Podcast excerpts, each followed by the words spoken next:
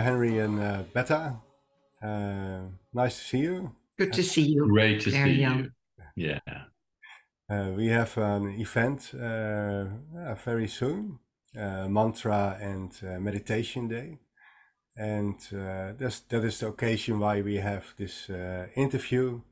Um, I'm going to ask you about yeah all of, about mantras. Uh, now we're going to do uh, a show uh, together with um yeah you will be the, the musically we will be guided with uh, um, uh, the big little mantra band. That's right. The Big Little Mantra Band. Yeah, It's sometimes big, sometimes little, but it's a wonderful little band. Yes. uh, I love the name. And uh, Uh, and Henry will be singing the mantras, and Betta was singing, sitting next to Henry. You will be doing uh, uh, exercises, um, and uh, I will be facilitating the uh, meditation. And you talk about that uh, later a little bit more. Uh, I, I believe, I'm not sure if, if I'm right, you were one of the first mantra singers in the yeah Western way. goodness. I I wouldn't really claim that title, but it was from uh you know in 19 it was actually in 1981 that I began to really be uh, so touched deeply with mantra chanting singing out loud Hmm. it was from the contact with Sant Keshavadas, who was a wonderful teacher, an Indian guru, who I met in the United States, and I began chanting with with groups really in the middle 80s in the workshops that at that time my wife Ricky Moore led and I was supporting and assisting and leading mantras and it was a very new thing and there were some wonderful musicians in the group who were western musicians and they never didn't know anything about mantras and they just were supporting playing drum playing guitar so we were bridging back and forth with uh, uh, my western musical taste if you will Hmm. and a little uh, Indian musical instrument that I had gotten. I guess there's a bit of a story before that, and Betta is so good about. I've told her these things, and then she reminds me of these stories. I went. I mean, I can say this. I had been chanting mantras as part of meditative practices and yoga practices since I was about 18 years old, way back in the even in the in the late in the late 60s, huh? Hmm. And in the in the beginning of the 80s, that after all these years of, you know, coming and going, doing, but chanting inwardly and meditating, yeah, as an inner practice, that I met this teacher who sang out and he composed music. And he he was a singer of these sacred songs, singing when I when I talk about Keshavadas, I kind of take on his voice. I sing the holy name with a very deep, resonant voice. He would sing the holy name. And when I first met him, it was in Houston at another wonderful, dear, deep teacher's home. It was as if the room just kind of really, it's one of those experiences that sounds crazy, but it's like the room just sort of filled up with this golden light. And this little brown man came walking in like a commanding general. And it was quite an experience. And there were some things that he said and some things that he sang that were kind of over my head, and I didn't really get it or feel too much.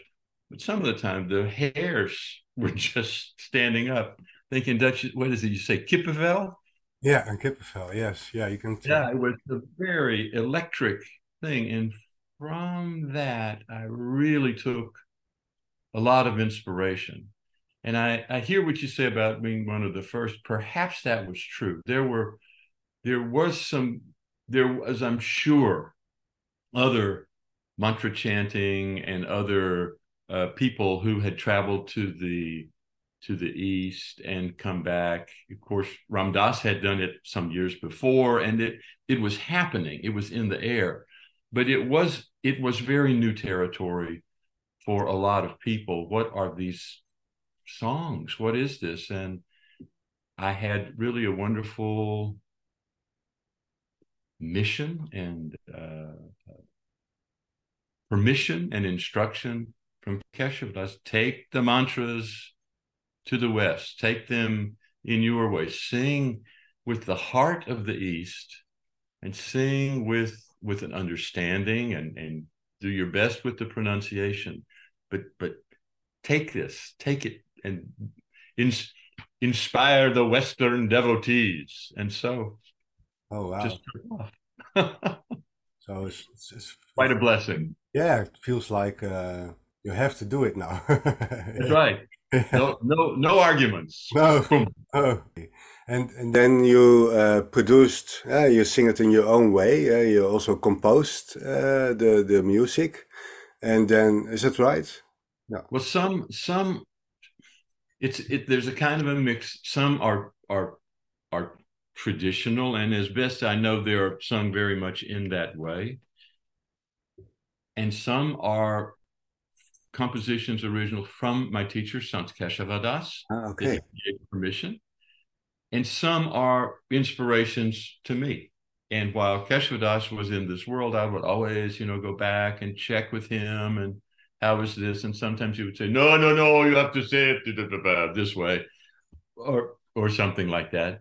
But it was, but it's it it's true. There are in this in this tradition of Keshavadas, in it's called Hari Katha and it's Hari is is God, Katha is the stories and songs. So it's the stories and songs of God, mm. and it's tradition of these wandering teachers who go to the villages, bring the people together, and they tell the stories and sing the holy name and inspire the people. So it, it's a it's a it's a long tradition of people who are inspired with these songs or songs that come to them and they they sing them and they're singing the holy name and that comes way way way way way back to even at the very completion of the life of krishna the great avatar the vishnu avatar in the bhagavad gita who's powerful fascinating individual, a, a God man in the world, as he was leaving the world at the end of his life, people were crying and weeping. And he said, You know, don't cry. There will be other avatars that come. And this is a, you're beginning to go into a dark age now. But the benefit of this time is all you need to do. You don't need to do the sacrifices. You don't need to do all the involved rituals. Just sing the holy name, and you will be inspired. You will be healed and transformed. And I, I a little bit, you know, that's a beautiful story from this deep, wonderful mythology of of the Himalayas.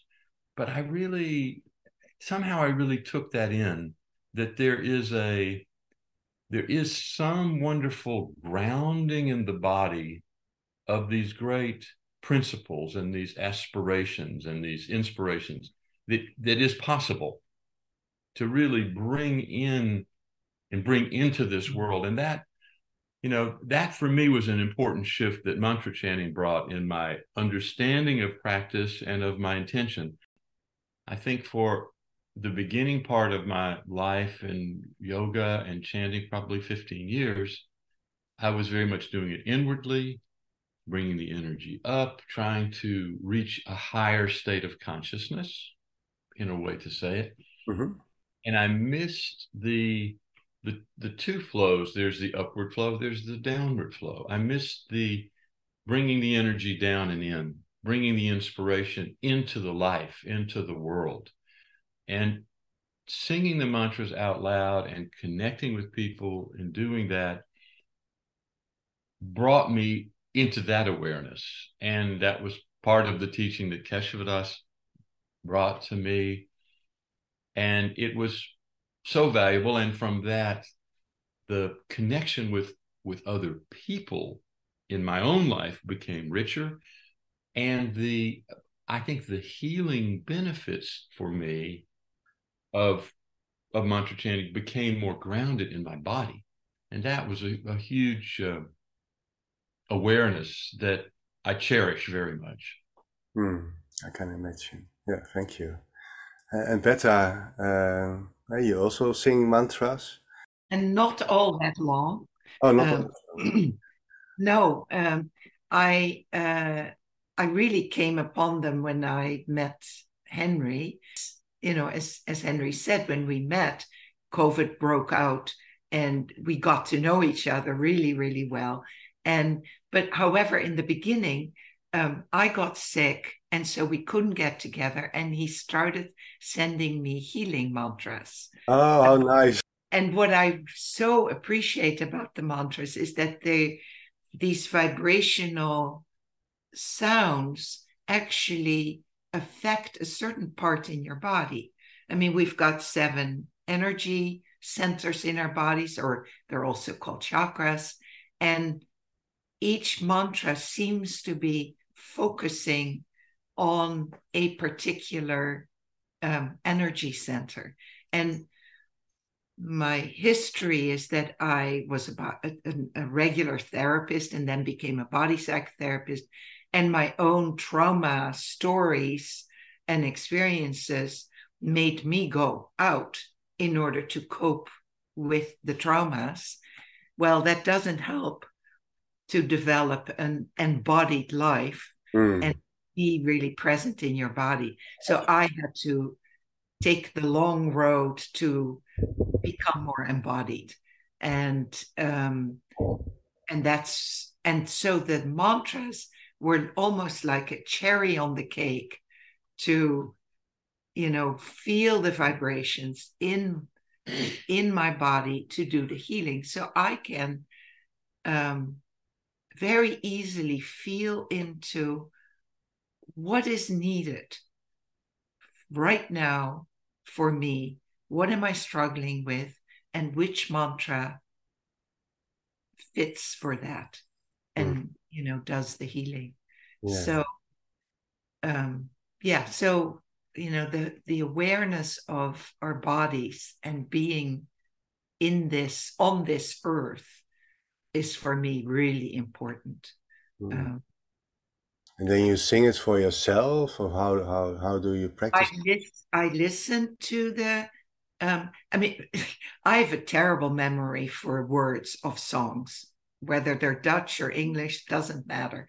I just I can't seem to grasp them. Mm-hmm. So here comes this Sanskrit, you know, these little songs. So I wrote them down on little pieces of paper and walked around with them and memorized them and I have several totally memorized, which is really unusual. But there is something about the primal connection with the Sanskrit, of which many languages develop, that drops into my body vibrationally.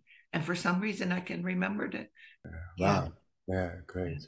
So, and I can feel, you know, when when one when I was sick, you know, the thymus, and Henry, I'm sure will talk much, way more about that at during the workshop, is the thymus gets vibrated with one particular healing um, uh, um, uh, mantra, mm. uh, Om Hanumate Namaha, and you can you can feel it. Ah, it that's where it goes.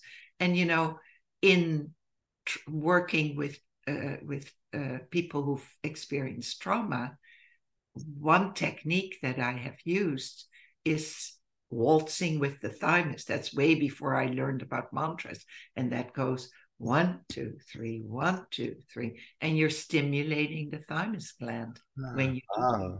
Yeah. Oh, that's also great. So you can combine those things. Maybe I can share also a little bit about uh, my experience with mantras. I love to sing it for myself. I sing it with my children. Uh, they they all also know uh, mantras. And then we're on the bike to school and they start singing or I start singing and we love to do that.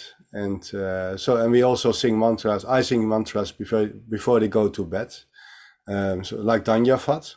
And uh, yeah, I translated also a little bit. So I, mostly I sing it in Sanskrit, uh, just like Danyavad, Danyavad. But I, I, they asked me what, what does it mean, and I told them I, I made my own translation. Uh, uh, thank you uh, for life. Hè? Uh, dankjewel, dankjewel, dankjewel voor het leven. Hè? And well, they sing this also uh, for by themselves. So for me, I, I, I'm really grateful. I can yeah, pass it on to the to my children. And, yeah. Oh yes. Yeah. Oh yes. that it goes on in the generations, and it's a, it's such a